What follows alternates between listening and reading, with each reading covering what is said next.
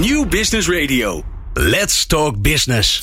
Met nu People Power met Glen van der Burg. People Power is een programma over de kracht van mensen in organisaties. Met interviews en laatste inzichten voor betere prestaties en gelukkige mensen. Deze week gaat Glen van der Burg in gesprek met... Professor Joop Schippers, Guus van Delen van uh, SAV, Tom Bos van Online Academy en Farid Tabarki. Wat doet de coronacrisis met onze arbeidsmarkt? Stort het in, veert het terug en werken de maatregelen van dit kabinet? We vragen dat straks aan professor Joop Schippers.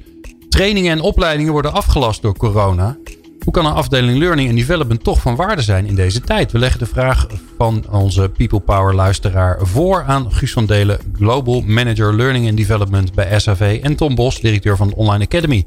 En Farita Barki verzorgt de column. Wil je nou de nieuwste afleveringen van People Power via WhatsApp? Sla ons nummer dan op onder je contactpersonen 06 45 66 7548. Stuur ons een berichtje met je naam en podcast aan. Dan sturen we de nieuwste afleveringen direct zodra ze online staan. En je kunt ons dus ook jouw vraagstuk sturen. Waar wil jij nou bij geholpen worden? Wij zoeken dan een expert of een vakgenoot die met een advies komt. Fijn dat je luistert naar People Power. People Power met Glen van den Burg. Ja, we, hebben, uh, we wisten eigenlijk wel dat uh, corona er ook bij ons voor ging zorgen. Dat er nu en dan wel eens een aflevering anders liep uh, dan zou lopen dan we, we, zouden verwachten. Dus hebben we een tijdje geleden via onze WhatsApp-servers gevraagd aan de luisteraars van... joh, waar kan je nou hulp bij gebruiken? Dan gaan wij kijken of we mensen kunnen vinden om je daarbij te helpen. Want ja, in het netwerk daar zitten nogal wat mensen die verstand hebben van allerlei people-onderwerpen. Um, zo de, ook dus uh, over learning and development. Want we hebben uh, Tom Bos van Online Academy aan de lijn. Hi Tom. Hey, goeiedag Ben. Hey, en als het goed is Guus van Delen ook van SAV. klopt, hallo. Ja, hi Guus. Ja, ja, zeker. Helemaal goed. Ja. Goed zo. Ja, via, via onze WhatsApp-service hebben we de volgende vragen binnengekregen. Hoe kan de afdeling Learning and Development hun medewerkers ondersteunen, tussen haakjes op afstand, in tijden van corona? Aangezien trainingen en events niet doorgaan, hoe kan je toch van nut zijn en blijven? Nou, die collega die wordt gesteld door een, uh, of die vraag wordt gesteld door een collega, uh, L&D'er van een organisatie, zoals ze zelf dat schrijft, in de fulfillment en logistiek. Nou, die hebben het hartstikke druk om alle klanten nu van pakketten te voorzien. Nou, heren. Um, uh, Guus, uh, begin bij jou. Uh, want jij, ja, het is een vakgenoot van jou. Ja, ik, even, even, vooraf wou ik graag benoemen dat ik hier niet namens een organisatie zit. want dan moet ik er allemaal dingen met communicatieafdelingen afstemmen. Dus ik zit hier gewoon namens mezelf als vakidioot. En heb daar een mening en ervaring over. Dus dat is even de disclaimer voor. Oh ja, heel goed. Ik zal je volgende keer zeggen: Guus van Delen namens zichzelf. Heel goed. Exact, heel goed. Wat was je vraag precies? nou ja, het is eh, door corona uh, ja, uh, is het, uh, gaan alle trainingen en events die gaan niet door. Dus hoe kan je nu van nut zijn en blijven in deze tijden? Ja, dat is een uh, interessante vraag die niet heel eenduidig te beantwoorden is. Want ik denk echt dat het heel erg afhankelijk is over welke type branche je in werkt. Uh, bij het ene bedrijf is het waarschijnlijk één groot gekkenhuis. En bij andere organisaties ligt het uh, wellicht helemaal stil. dus dat is even een, een, nuance vooraf. En daarnaast kan ik me ook nog voorstellen dat er een soort van brandjes op de korte termijn zijn. Waar je iets aan te doen hebt, maar ook meer lange termijn uitdagingen. Ehm, en mijn korte en misschien ook wel een beetje flauwe antwoord zou zijn: vraag het de business. Uh, ga onderzoeken welke dilemma's lopen we nu tegenaan. Want dat dit tot een verandering binnen organisaties leidt, dat is wel een, uh, een gegeven. Alleen tot welke veranderingen precies en wat dat dus precies betekent, ja, dat verschilt van bedrijf tot bedrijf. Bij de ene organisatie moeten mensen geupskilled worden omdat ze andere dingen moeten doen uh, dan voorheen. bij anderen krijg je taakuitbreiding. dus dat, dat, doet allerlei, dat kan tot allerlei verschillende nieuwe uitdagingen leiden waar eh, Learning and Development een bijdrage aan kan leveren. Maak niet de valkuil. Uh, ga niet vragen aan wat voor trainingsmateriaal heb je behoefte. Want dan ben je al een beetje vanuit je leerparadigma in gesprek. Maar probeer gewoon eerst te begrijpen echt welke dilemma's en uitdagingen hebben we momenteel uh, mee te maken als organisatie. En ga vervolgens pas kijken naar oké, wat kunnen wij daarvoor een bijdrage aan leveren. Betekent dat dat wij daadwerkelijk misschien wel een e-learning moeten organiseren. Maar wellicht kan het ook wel betekenen dat we eens kunnen verzinnen hoe we een, een bepaald werkproces slimmer kunnen organiseren. Omdat je dat voorheen eerst met z'n tweeën doet. Maar omdat je nu in gesplitste diensten werkt, eh, dat nog alleen maar moet doen. En dat je daarom het werk slimmer en anders moet organiseren. En, tot, tot slot, en dan hou ik weer even mijn mond dicht. Simpel de vraag stellen, waar heb je behoefte aan? Kan misschien soms ook een, een lastige te beantwoorden zijn. Dus wat ik vorige week onder andere heb gedaan, is ik heb gewoon een mailtje uitgestuurd naar mijn belangrijkste klanten. Met jongens, ik hoor signalen dat er korte termijn behoeftes zijn. Ik heb hier een quickscan samengevat uh, met tien uh, veelgehoorde thema's. En nog een elfde waarin je zelf aan kunt geven waar behoefte aan is. Uh, stuur graag binnen een dag terug wat jouw top drie aan behoeftes zijn. En we gaan zo snel mogelijk onderzoeken of we daar een bijdrage aan kunnen leveren. En ja, ga vooral niet allemaal content zelf creëren over hoe je digitaal moet thuiswerken of hoe je leiding geeft op afstand. Want er wordt momenteel zo ontzettend veel gratis uh, aangeboden via LinkedIn Learning en allemaal van dat soort organisaties. Uh, dus uh, steal with pride, pragmatisch en verbind vooral de behoefte aan de content die er momenteel al gratis beschikbaar is. Ja, nou, nou, is dit een organisatie die in de logistiek zit. Die zijn dus bezig om iedereen van pakketten te voorzien. Nou, uh, volgens mij gaat het op heel veel vlakken uh, slecht in de economie. Maar als ik zie hoeveel busjes er rondrijden om overal pakketten af te leveren. Waar ineens ook uh, allerlei voedsel en zo tussen zit. En ik heb onlangs zelf, ik zal het maar toegeven, wc-papier besteld. Want het is gewoon nergens meer te krijgen. En het was echt nodig. Dus daar disclaimer vooraf. Ik heb niet mijn halve huis vol staan. Maar ik heb gewoon netjes een paar rolletjes gekocht. Uh, ik dacht, ja, die moeten toch gewoon komen. Dus en die, al die busjes rijden nu rond. En zo'n soort bedrijf, uh, ja, daarvan stelt dus de L&D verantwoordelijke deze vraag. Dus die hebben het best wel druk. Ja, ja. Ja, en, en hebben zij, uh, nou ja, mijn punt blijft, ga met de, met, de, met de managers of met teamleiders in gesprek om te begrijpen wat is er in deze huidige situatie anders voor bijvoorbeeld die chauffeur dan in de situatie hiervoor dat ze nu het pakketje op de stoep moeten leggen en anderhalve meter afstand eh, moeten bewaren, dat snapt iedereen wel. Maar wellicht komen er hele andere dilemma's bij kijken dat in het sorteercentrum waar het voorheen aangeleverd werd, ze nu zelf het busje moeten vullen, omdat het vanwege afstand niet meer mogelijk is. Dus er is echt maar één manier om daar een goede antwoord op te vinden, is om echt uh, met de klant in gesprek te gaan en te snappen wat is er in de huidige situatie anders, welke dilemma's komen daarin de grondslag en vervolgens na te gaan denken, nou waarin kunnen we dan als learning and development op dat gebied daarin ondersteunen. Hm. Uh, ja. Maar Guus, ik hoor jou ook zeggen, ja, je kunt die open vraag stellen, alleen de vraag is ook of, daar, hè, of mensen daar uh, al een antwoord op hebben. Ehm, dus een, een, een schot voor de boeg is ook niet geheel onhandig. Precies, dus uh, soms kun je wel op basis van je aannames of de signalen die je al gehoord hebt, bijvoorbeeld een top, uh, een top 3 maken met joh, ik zit in deze richting te denken, maar uh, vul aan of schaaf bij daar waar mogelijk. Dat maakt het beantwoorden van de vraag waarschijnlijk wat toegankelijker dan wanneer je alleen een, een koffieverzoek in, instuurt met joh, ik wil heel graag nu begrijpen waar jij behoefte aan hebt, want mensen zullen het waarschijnlijk heel druk hebben. Dus hou het zo simpel en zo laagdrempelig en toegankelijk mogelijk om dat te begrijpen. En als het antwoord is, joh, we hebben momenteel even helemaal uh, geen hele prangende vragen aan jou. Ga je zelf als learning and development ook niet belangrijker maken dan dat je bent. Uh, er zullen waarschijnlijk heel veel belangrijke niet-urgente taken zijn waar je de afgelopen maanden niet aan toe bent gekomen omdat je te, te druk bent met de waan van de dag. Uh, en ga dan uh, bijvoorbeeld dus de werkprocessen rondom het inschrijven van cursussen onder de loep nemen. Want je kunt er donder op zeggen dat er door de maanden heen onderhandigheden ingeslopen zijn.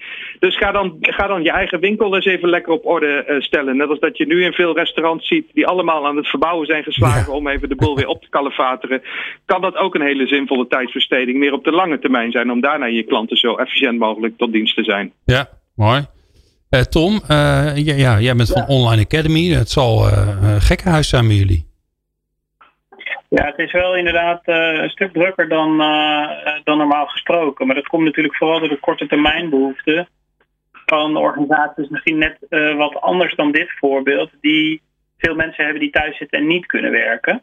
Dus er wordt wel veel gezocht naar mogelijkheden om te zorgen dat die mensen zinnige tijdsbesteding hebben. En um, nou ja, goed, als je dan niet aan het werk kan, dan kan je misschien wel uh, gaan leren. Of je kan de compliancy dingen die je toch moest gaan uh, doen, de verplichte uh, nummertjes, kan je misschien vervroegen en nu vast je certificering voor hernieuwen. Dat soort dingen zie je wel, dat, dat spelen bij ons inderdaad. Ja, Zijn, zijn dat de dingen waar nu, want jullie kunnen natuurlijk gewoon ook in de, op, op jullie platform zien waar nu veel vraag naar is of waar veel gebruik van gemaakt wordt? Ja, klopt. Nou ja, kijk, misschien uh, terug nog naar de, uh, uh, naar de basisvraag. Ze vraagt eigenlijk hè, van, joh, je klant vraagt, um, hoe kan ik mijn tijd zinnig besteden nu dat trainingen en zo niet doorgaan? Bij ons gaat bijna geen enkele training niet, of, gewoon niet door nu. Dus eigenlijk alles loopt gewoon, maar wordt verplaatst naar online lesgeven. Oké. En uh, dat is denk ik het belangrijkste. Van, uh, ja, de allereerste vraag is kijken van kan je het niet alsnog uh, gewoon wel door laten gaan. Ja, ja en dat is ook en, voor degene die die training moet geven. bij, bij NCUI zijn ze natuurlijk, daar, daar, werken veel mensen, maar er worden natuurlijk ook veel trainingen en events, daar worden, die worden door, door ZZP'ers gedaan. En dan is het heel fijn als het toch, als het toch doorgaat. ja, überhaupt is het voor iedereen natuurlijk fijn. Want of je nou thuis zit zeg maar, of uh, op je kantoor, ja. Je, kan toch, uh, je, moet toch, je, je, had toch gepland om die training te gaan volgen, dus dan kan je ja. net zo goed gewoon gaan doen. Ja. Kijk, uh, de druk op de pakketservice en dat soort dingen is geloof ik wel heel erg toegenomen. Dus ik kan me voorstellen dat die juist een tegenovergesteld probleem hebben en denken, nou, kunnen we die trainingen nog een klein beetje vooruitschuiven, zodat we deze korte termijn extreme druk even aan kunnen. Ja, de, de, dan moet je natuurlijk even kijken naar andere opties, maar uh, als niet, dan zou ik zeggen, je allereerste optie is gewoon kijken van um, waarom gaat het dan precies niet door en kan het, kan het niet toch wel doorgaan? Uh, ik snap dat je basislastechniek, uh, zoals ik de vorige keer zei, volgens mij niet met, met z'n allen in een schuurtje ergens gaat doen, maar dat zou ik in ieder geval niet adviseren. Maar heel veel dingen kunnen gewoon wel doorgaan.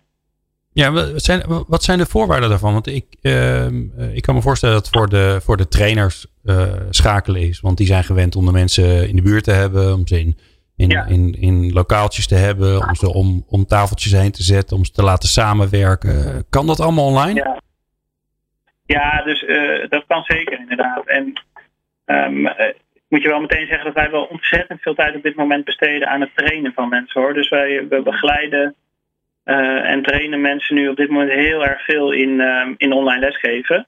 Dus ja. je zult ook wel zien dat de kwaliteit van die lessen de komende tijd gewoon drastisch gaat toenemen. Omdat iedereen er gewoon nu uh, op grote schaal veel ervaring mee aan het opdoen is. En gelukkig ook niet alleen binnen onze organisatie, maar ook gewoon alle opleiders onder elkaar wordt veel uitgewisseld qua ervaringen en dat soort dingen. Dus ehm, ja, veel kan gewoon doorgaan. Er zijn een paar dingen die denk ik minder goed werken. Dat is natuurlijk waar je fysieke apparatuur en dat soort dingen voor nodig hebt. Dus um, je kan je voorstellen dat het in de technische branche, uh, zeg maar echt de praktijktrainingen ingewikkeld zijn. Maar ook in de medische sector uh, is dat natuurlijk, uh, naast dat die best wel te doen hebben op dit moment, is dat ook ingewikkeld natuurlijk. het, ja. het priklab en, en dat, gewoon het oefenen met prikken en zo, dat is wat lastiger online, zal ik maar even zeggen.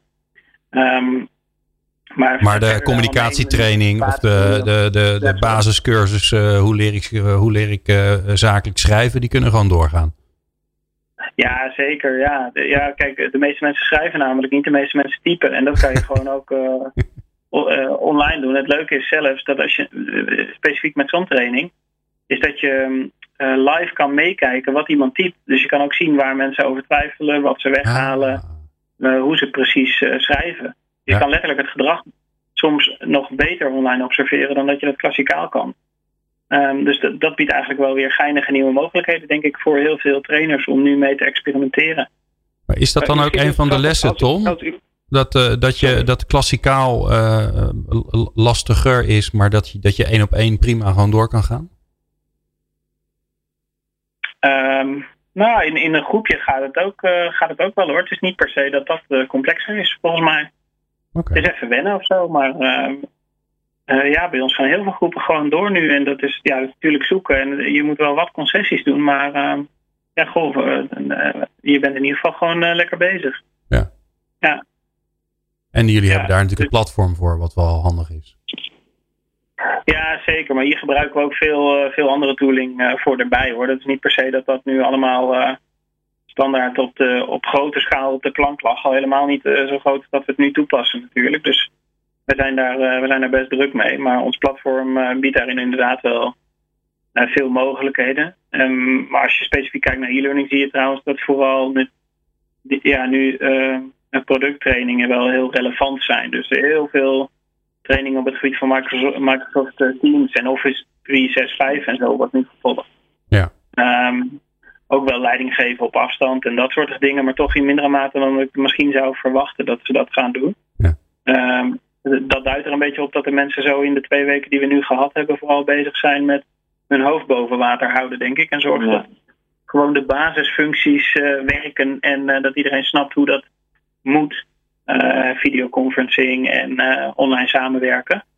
En daar zal best, als we nog een tijdje thuis zitten, wat veranderingen in gaan plaatsvinden. Dat het een leiding geven op afstand en uh, virtuele teams en dat soort dingen, dat dat wat meer aandacht gaat krijgen. Ja. Maar Guus, volgens mij wilde je net wat gaan zeggen. Nou, ik kreeg vanochtend een heel grappig uh, appje van een uh, geroutineerde trainer binnen. Ik zal de naam niet noemen, die letterlijk schrijft: Guus, help, het is zover. Ik moet ook digitaal. Na jaren sabotage en traineren moet ik ook geloven aan Zoom en Microsoft Teams, seminars en andere kwelgeesten.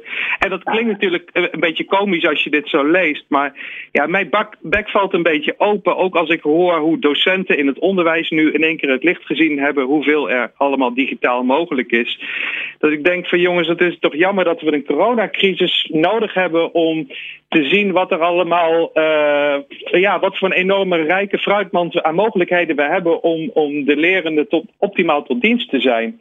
En we tot, ja, toch in jaar en dag heel erg geneigd zijn om klasjes met beamers en, en hoefijzeropstellingen te organiseren. Wat prima is, hè, als dat ook de meest uh, effectieve uh, methode is. Maar er is zoveel meer mogelijk. En je merkt toch dat bij heel veel vakgenoten er een ja, een, een ontwijkende neiging bestond om dat, uh, om, om dat soort technieken te gaan gebruiken. En dit heeft in ieder geval wel iets geforceerd om ook de late majority erin mee te krijgen en te laten ervaren dat er, uh, dat er wat dat betreft veel meer mogelijk is. Ja. Ik hoop dat de volgende stap zou zijn, is dat we gaan wegbewegen van alles. Mensen dringen om het op een harde schijf op te laten slaan vanuit een soort van traditionele kennisverwerving naar nu ook eens kritisch afvragen van A, moet het, uh, moet het klassikaal, maar B, ook moeten we überhaupt deze kennis paraat zijn of gaan we het veel meer beschikbaar stellen op het moment dat een vraag zich opdient. Maar goed, de eerste battle hebben we in ieder geval gewonnen, onder andere middels uh, de coronacrisis. Ja, ja, het, heeft, uh, het is natuurlijk een, een, ongelooflijke rot situatie, maar de, de, het versnelt ook wel weer heel veel dingen, merk Absoluut, ja. absoluut, ja. Onder druk wordt alles vloeibaar in meer of meer van dat soort uh, open deuren. Ja, absoluut. Ja, um, ja wat, uh, even denken hoor. Wat schoot me nou net nog door het hoofd? Ja, dat was wel grappig. Ik, uh, want jullie wereld is, natuurlijk, is natuurlijk ook een, een, een verlengstuk of, of een, misschien wel een voorbode voor wat er in het, in het gewone onderwijs plaats gaat vinden.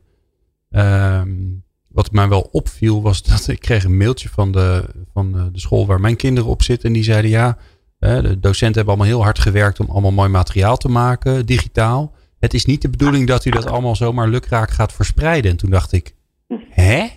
Nou, die, kon ik even niet plaatsen. Ik dacht, dat is toch juist handig. Als je toch fantastisch hebt gedaan, dan hebben misschien andere scholen er wat aan. Nou ja, is dat ook iets wat, uh, wat, wat nu aan het gebeuren is? Dat, uh, dat er zoveel gedeeld wordt door mensen dat je kunt zeggen, ja, die, die lezing of die presentatie of dat, uh, dat, dat, stukje, ja, dat is eigenlijk gewoon prima om dat gewoon lekker, lekker te delen. En daarna komt, komt hetgene waar, waar je één op één of, of in een groepje overgaat tot, tot, ja, tot het maatwerk, zeg maar. Ja, het is wel een beetje het principe wat uh, bijvoorbeeld achter uh, YouTube zit natuurlijk ook. Hè? Dat uh, als je op YouTube zoekt naar filmpjes over een of ander wiskundig model, dan krijg je als eerste het filmpje wat het meest bekeken is en het best gewaardeerd wordt, zeg maar. Dus daar is een soort van filtering op kwaliteit geweest. in essentie zou je kunnen zeggen, je krijgt dus de allerbeste les te zien van, van dat specifieke onderwerp. Dat is natuurlijk niet helemaal waar, is een beetje overdreven, maar zo zou je er wel over na kunnen denken. En uh, even los van dat, uh, ja, dat delen allemaal niet zomaar mag. Dus dat is natuurlijk nog wel uh, enig nuance voor nodig. Maar het is best wel een gunstige ontwikkeling dat er nu zoveel ehm, lesmateriaal opgenomen wordt. Zeg maar, dat er volgens mij over scholen heen heel erg veel goed materiaal beschikbaar gaat komen. Wat inderdaad gebruikt gaat worden. En dan kan je zeggen van nou docent X van opleiding Y kan dit veel beter uitleggen dan ik. Dus uh, gebruik ik dat uh, um, in mijn lessen gewoon. Of anderzijds gebruik je het ter inspiratie om je eigen verhaal beter te maken. Maar ja, ik zou dat zeker stimuleren. los van de juridische component natuurlijk dat iemand daar dan ook werkelijk toestemming voor moet geven. Um, laatste vraag aan jullie. Daar ben ik wel benieuwd naar. Stel je voor dat we nog drie maanden thuis zitten. Een beetje, dat hopen we natuurlijk niet. Zeker niet als het straks echt lekker weer wordt. Maar stel je voor dat we nog drie maanden thuis zitten. Wat gaat dit voor jullie wereld betekenen? Voor, voor ja, het, het leren en ontwikkelen in organisaties? Guus. Nou, ik. Uh, ik denk dat uh, veel learning and development afdelingen binnen organisaties, als ik dat even vertegenwoordig in dit gesprek, uh, toch uh, van oudsher worden gezien als een, ja, als een afdeling wat trainingen organiseert en, en regelt en, en leermiddelen verzorgt. En dus ook wordt gezien als een cost center. Dus dat is waar een van de eerste afdelingen waar de kaasschaaf overheen gaat om, om kosten te besparen. Uh, dus dan uh, nou, kunnen er bepaalde dingen niet of moeten er mensen uit, uh, wat, wat natuurlijk heel zonde zou zijn. Tegelijkertijd is het soms ook wel een hele gezonde stofkam die, die, die van tijd tot tijd nodig is om weer eens even met elkaar de essentie van het gesprek aan te gaan met waartoe zijn we nou eigenlijk hier op aarde binnen deze organisatie met deze afdelingen. Want een learning and development afdeling groeit net als heel veel andere afdelingen redelijk organisch door de jaren heen. En eh, ja, na een paar jaar weet eigenlijk niemand precies meer eigenlijk van waar zijn we nou precies van en wat doen we wel, maar wat doen we ook niet en waar zijn we nou exact van. Dus het brengt je ook wel weer even terug naar hele wezenlijke vraagstukken uh, over je bestaansrecht en over waar je je, je, beperkte middelen op in gaat, uh, gaat zetten. En ja, dat vind ik persoonlijk vind ik dat een, een hele positieve ontwikkeling. ik heb daar laatst ook een, een artikeltje over geschreven, 50 Shades of L&D. Juist ook om vakgenoten uit te nodigen om weer terug te gaan naar de, ja, de, de, naar de essentiële vraag van wat is nou eigenlijk echt klantwaarde voor een learning and development afdeling. En dat is niet noodzakelijk het, boeken van klasjes, maar het, het, het, wegnemen van organisatieproblemen waar leren een onderdeel van uitmaakt. Okay. Uh, dus eh, op korte termijn misschien doet het even pijn dat er uh, minder geld wordt en er misschien wel minder, uh, mensen uit moeten. positieve bijvangst is denk ik dat we daardoor weer even wat kritischer worden over ja, waarvan zijn we nou echt en waar, uh, waartoe zijn, uh, op welke manier gaan wij waarde voor de business toe, uh, toevoegen, nu en in de toekomst? Ja, Tom, wat gaat dat doen? Drie maanden thuis? Ja, goh, dat, dat is nog best een poos, hè? Even los van dat de balans met kinderen en dat soort dingen dan toch nog wat permanenter wordt. Je ziet nu wel dat mensen nog wel bezig zijn met een tijdelijke oplossing, zeg maar. Um, dat geldt ook een beetje voor hoe naar leren en opleiden natuurlijk nu gekeken wordt. Er wordt uh, op zeer korte termijn veel met, uh, met online mogelijkheden gedaan. Maar daar ga je dan natuurlijk kijken naar een veel, ja, veel drastischer uh, omslag eigenlijk. Nu is het pleisters plakken, zeg maar, totdat we weer door mogen. Maar als we nog drie maanden thuis zitten, dan ja, wordt het meer duurzame oplossing. Kijk, ik denk wel dat het heel erg gaat helpen met echt goed ervaring opdoen met hoe dit werkt, zeg maar. Zodat je straks ook als je weer naar, um, naar de praktijk terug mag, dat je, eh, en, en weer op kantoor mag komen en weer in een klaslokaal mag trainen, dat je gaat kijken van hoe haal ik daar nou de maximale waarde uit? En hoe haal ik de maximale waarde uit um, de online interventies, zeg maar, of die, die nou live zijn of gewoon e-learning, zeg maar. Uh, ja, je krijgt nu wel even de kans om uh, een hele waardevolle ervaring op te doen. Ik denk dat als we drie maanden thuis zitten, dat er echt een forse omslag moet gaan komen van nu nog pleisters plakken naar, naar, naar meer duurzame oplossingen om opleiden gewoon door te zetten, maar dan uh, ja, vanuit huis. Ja. Nou, laten we hopen dat het uh, niet zo radicaal uh, zal blijven en, en dat de, ja, de, het, het, meer online leren en leren wat online kan betekenen voor leren, dat dat, dat, dat weer dan wel, wel duurzaam blijft. Ik dank jullie zeer voor het beantwoorden van deze vraag. Guus van Delen, volledig namens zichzelf. En uh, Tom Bos van de Online Academy, dank jullie wel. Uh, straks uh, krijgen we de column van Farid Tabarki. Ja, die is tijdgeestonderzoeker. Dus ja, hoe, die, heeft, die heeft het heel erg naar zijn zin. Ja, dat klinkt onaardig. Maar ja, als er heel veel aan het veranderen en aan het schuiven is. Dan is dat natuurlijk voor een tijdgeestonderzoeker super interessant. En die hoor je zo. People Power. Inspirerende gesprekken over de kracht van mensen in organisaties. Met Glen van der Burg. Ja, als je tijdgeestonderzoeker bent, trendwatcher noemen we dat een beetje populair. met tijdgeestonderzoeker klinkt eigenlijk veel mooier in het Nederlands. Dan is dit natuurlijk een fascinerende tijd met wat er nu aan het gebeuren is. Maar zeker ook ja, wat die hele coronacrisis nu eigenlijk voor uh, nasleep en gevolgen gaat hebben voor, voor onze tijdsgeest. Um, en onze columnist Farita Barki, die is tijdgeestonderzoeker. Dus ik ben heel erg benieuwd naar zijn column. Farid? Met Michel de Montaigne een renaissancefilosoof uit de 16e eeuw, had ik onverwacht een uitermate moderne gast uit het verleden te pakken. Ik presenteerde Durf te Denken. Een tv-serie van Human met gesprekken waarbij steeds één filosoof centraal stond. Mijn gasten in het programma waren ervan overtuigd dat Michel de Montaigne nu een blogger zou zijn. Zo levendig en tegelijkertijd zo licht legde hij zijn daagse beslommeringen vast. De actualiteit van zijn tijd komt in zijn verslag naar voren als spannend en veranderlijk.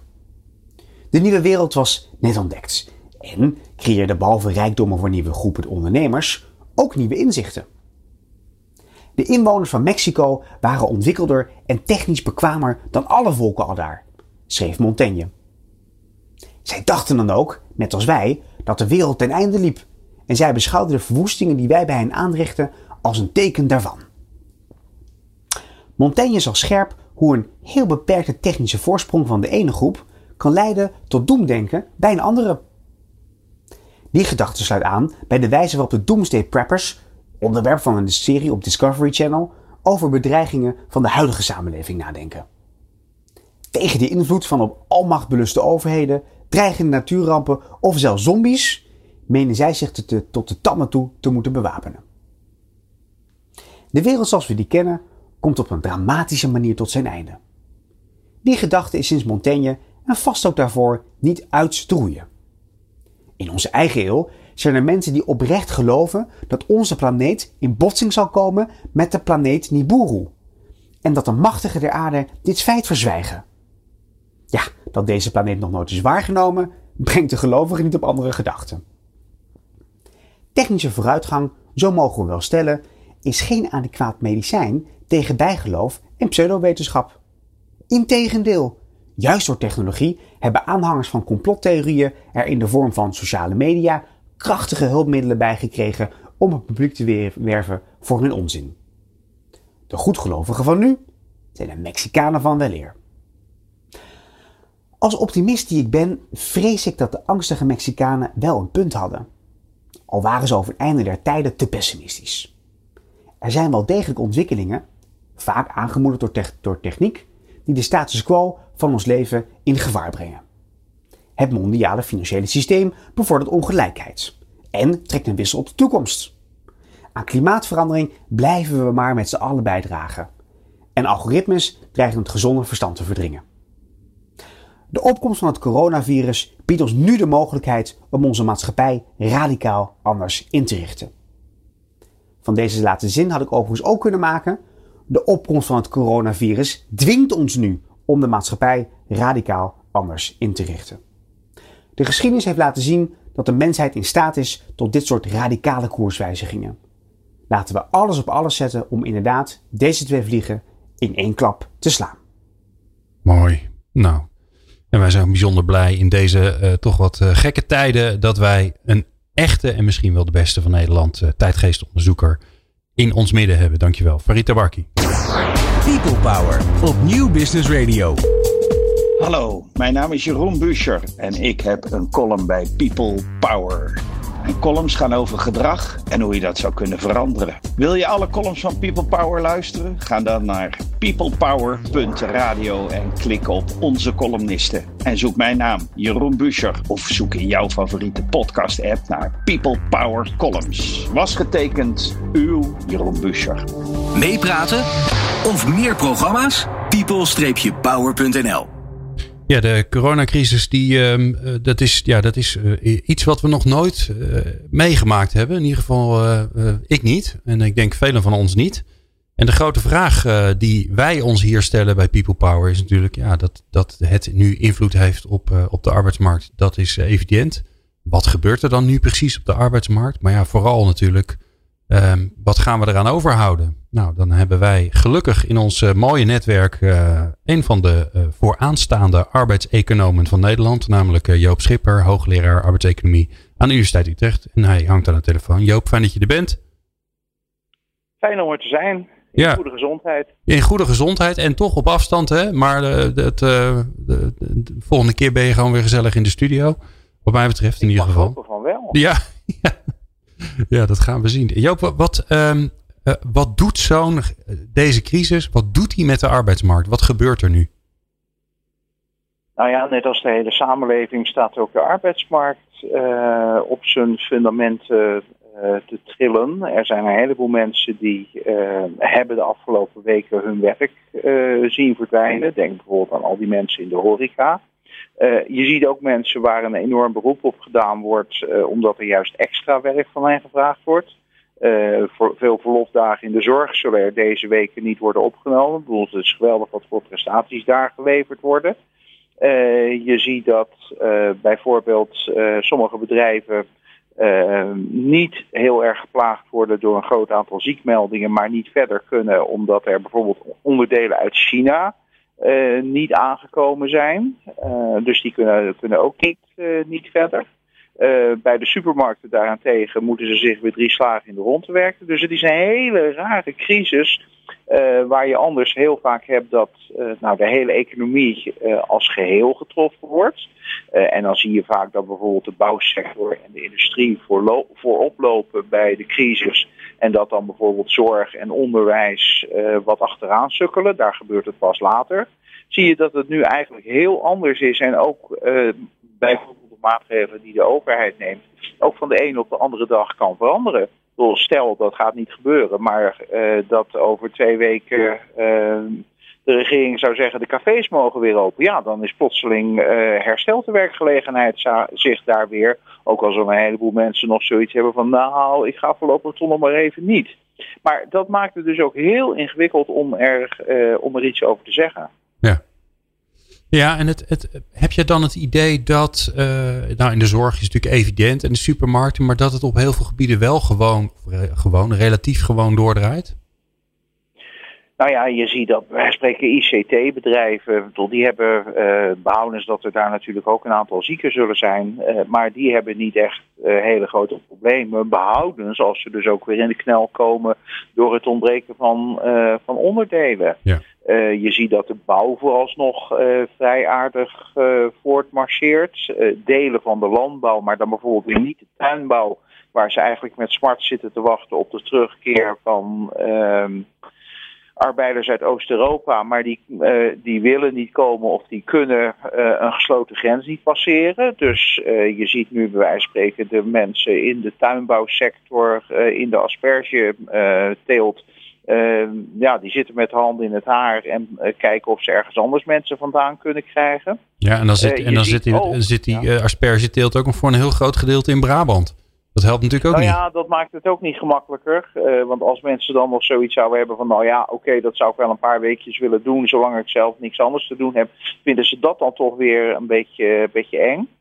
Uh, je ziet ook overigens uh, hele boeiende initiatieven dat mensen die uh, nu even aan de kant staan omdat hun eigen zaak waar ze een baan hebben gesloten is, dat die dan zeggen van nou dan ga ik zo lang maar even wat anders doen.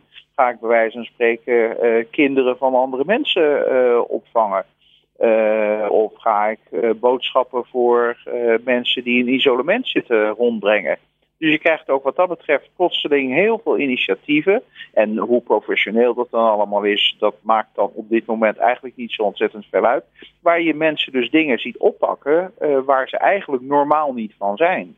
Ja, en zou die creativiteit, want die zie ik ook, zou die creativiteit er ook zijn omdat het, omdat het zo abrupt is? En normaal is het natuurlijk zo'n crisis dat, ja, dat, daar glij je een beetje in en mensen raken een baan kwijt. denken, nou, hè, ik ik ben hartstikke, ik heb heel veel ervaring, dus ik krijg alweer een nieuwe baan. En dan blijkt het toch lastiger te zijn. Maar nu is het zo, van de een op de andere dag. Ja, zeker. En, uh, en omdat het ook zo massaal is, uh, heeft het ook geen enkele uh, zin om in je eentje zielig te gaan zitten zijn. Want daar heeft op het ogenblik echt helemaal niemand verder een boodschap aan.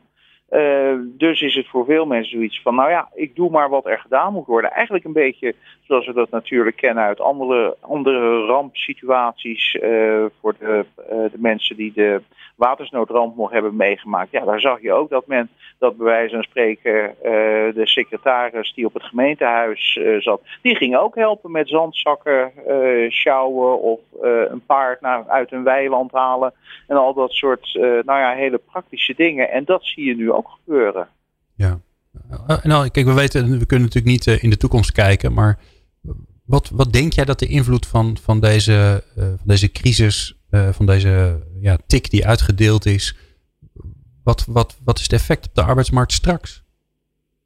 Nou, wat je bijvoorbeeld ziet, en ik zou heel goed kunnen dat dat toch wel een blijvend effect is, dat er een enorme sprong voorwaarts gemaakt wordt in allerlei organisaties. Want het onderwijs is uh, daar zeker geen achterblijver uh, uh, op het terrein van digitalisering. bijvoorbeeld, wij hadden bij de universiteit binnen een week, anderhalve week, en dat is bij andere universiteiten gaat dat ongeveer net zo. En overigens ook bij heel veel middelbare scholen, toch op een heel korte termijn ehm, het onderwijs in digitale vorm uh, gegoten. Zodat, uh, hoewel het misschien niet allemaal onmiddellijk perfect is, maar uh, toch uh, leerlingen en studenten aan de slag kunnen blijven, begeleid worden. Er wordt heel veel gebeld, er wordt heel veel geskyped, er wordt heel veel met MS Teams gedaan. En dat zie je ook op het terrein van vergaderen. En dan zie je bijvoorbeeld, uh, je leert daar dus ook heel veel van mensen die dit soort dingen nog nooit gedaan hadden. Uh, die zijn nu bezig om clipjes te maken en die zijn bezig om uh, hoe heet het, teamvergaderingen aan te maken. ze merken dat dat goed gaat. En daarvan zou het heel goed kunnen dat de ervaringen hiermee dat die een blijvend effect gaan hebben. Want dan zien mensen dat als je met z'n vieren wil vergaderen, dat dat eigenlijk reuze praktisch is om dat uh, digitaal te doen. Je kunt elkaar uh, bij voortduring gewoon goed zien, goed horen als de internetverbinding er niet uitvalt.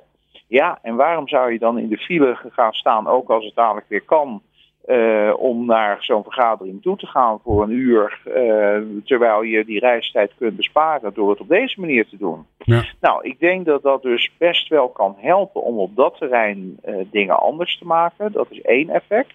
En een tweede effect is dat mensen toch op dit moment ook wel een beetje gaan nadenken. van hoog tot laag van, hé, hey, zat die economie, zat die arbeidsmarkt eigenlijk wel goed in elkaar? Door nu worden ministers uh, het niet moe om tijdens persconferenties en interviews uh, te roepen hoe belangrijk mensen in de zorg zijn, hoe belangrijk mensen die in de supermarkt de vakken vullen zijn, hoe belangrijk politieagenten zijn. Dat zijn voor een groot gedeelte wel de groepen die de afgelopen jaren of op het Malieveld gestaan hebben of een, op een andere manier geprotesteerd hebben tegen hun lage beloning. En het zou niet raar zijn als die mensen zelf, maar ook de rest van de samenleving na afloop hiervan uh, toch ook zoiets hadden van ja, maar hebben we die mensen eigenlijk uh, al die jaren toch niet een beetje uh, verwaarloosd en laten zitten?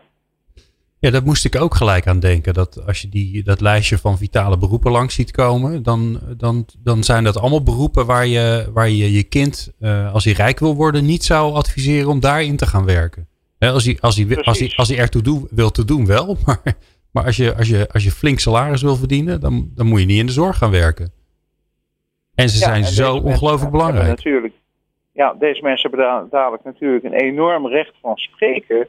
Uh, als ze zeggen van, uh, nou, wij hebben uh, jullie, de samenleving als geheel, er doorheen geholpen de afgelopen maanden. nu willen we eigenlijk wel eens boter bij de vis.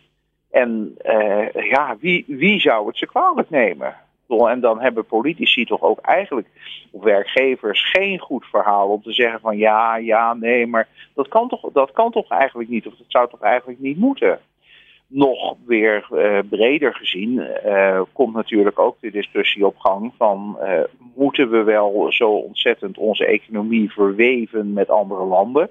Kijk, internationalisering dat is iets wat je niet, niet stil kunt zetten, niet terug kunt draaien. En dat moet je ook niet willen. Maar wel de vraag van moeten we met zoveel uh, partners tegelijkertijd een, uh, een productieketen vormen? Of moeten we misschien toch kijken of we mensen niet uh, weer moeten leren om meer stapjes van die keten in eigen huis te doen. Zodat je uh, misschien wel samenwerkt met uh, één of twee partners in het buitenland, maar niet met 17 verschillende partners in het buitenland. Want ja, als er dan ergens inderdaad in een land iets gebeurt waardoor ze niet meer mee kunnen draaien, dan zit gelijk loopt gelijk de hele productieketen vast. Dus het zou ook wel eens een, een, een, een opmaat kunnen zijn naar iets minder specialisatie en iets meer uh, verbreding van wat mensen zoal uh, hier in Nederland zouden doen. En meer lokale productie daar dus ook? Toch weer, hè? want we hebben natuurlijk de afgelopen jaren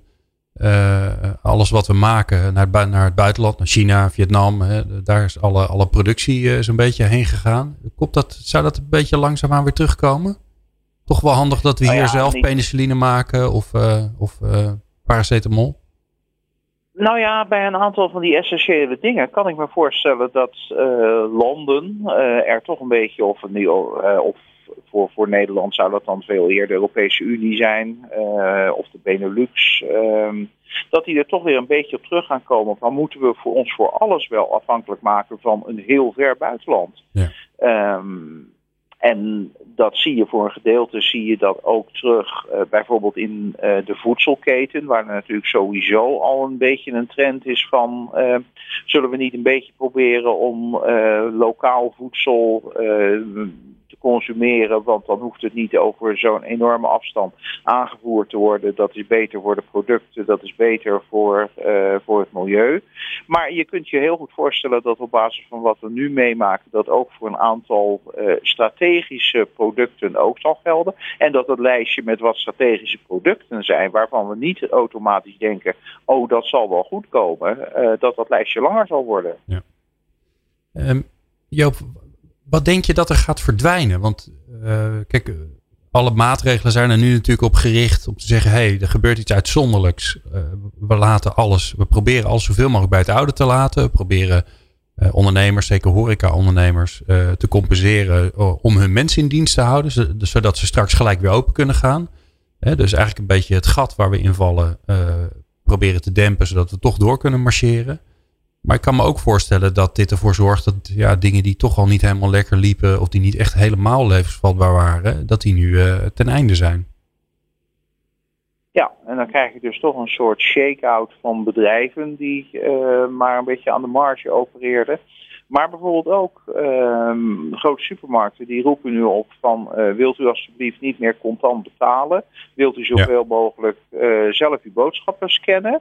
Nou, dat geeft dus een enorme push aan uh, de uitstoot van uh, de cachère bedoel, want er, bij een heleboel winkels, nou ja, zaten die er nog wel. Maar nou blijkt het dus eigenlijk toch uh, vrij goed te gaan om het zonder cachère te doen. Uh, heel veel mensen die nog niet eerder uh, zelf hun producten scanden, worden nu nou ja, gedwongen, maar in ieder geval toch wel gepusht om dat wel te doen.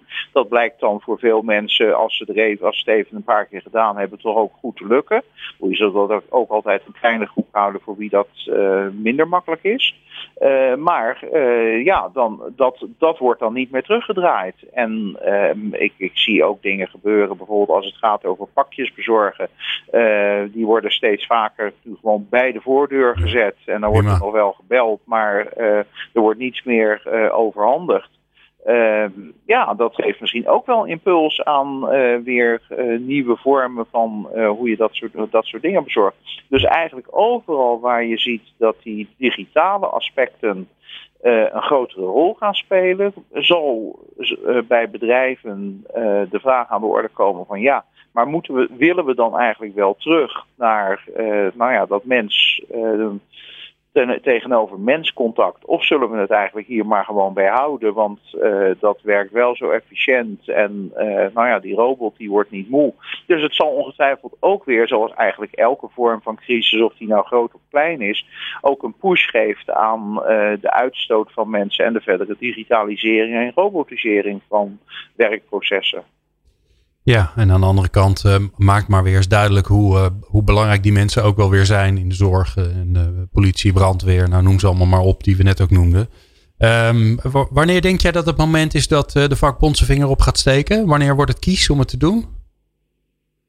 Nou ja, je ziet het nu eigenlijk al dat in allerlei tweets van de kant van de vakbond uh, eens even de nadruk gelegd wordt op hoe belangrijk die mensen wel zijn, hoe belangrijk ons hoe heet het, voor die mensen is. En zodra bij wijze van spreken de laatste patiënt van de intensive care afgaat, dan neem ik aan dat het, hoe heet het, de eisen wel op tafel komen. Ja, dan komen de hesjes uit de kast.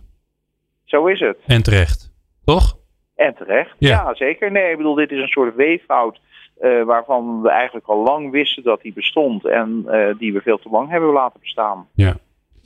Nou ja, ik kan me ook voorstellen dat, uh, en volgens mij snapt dit kabinet heel goed, dat ze misschien dat voor moeten zijn.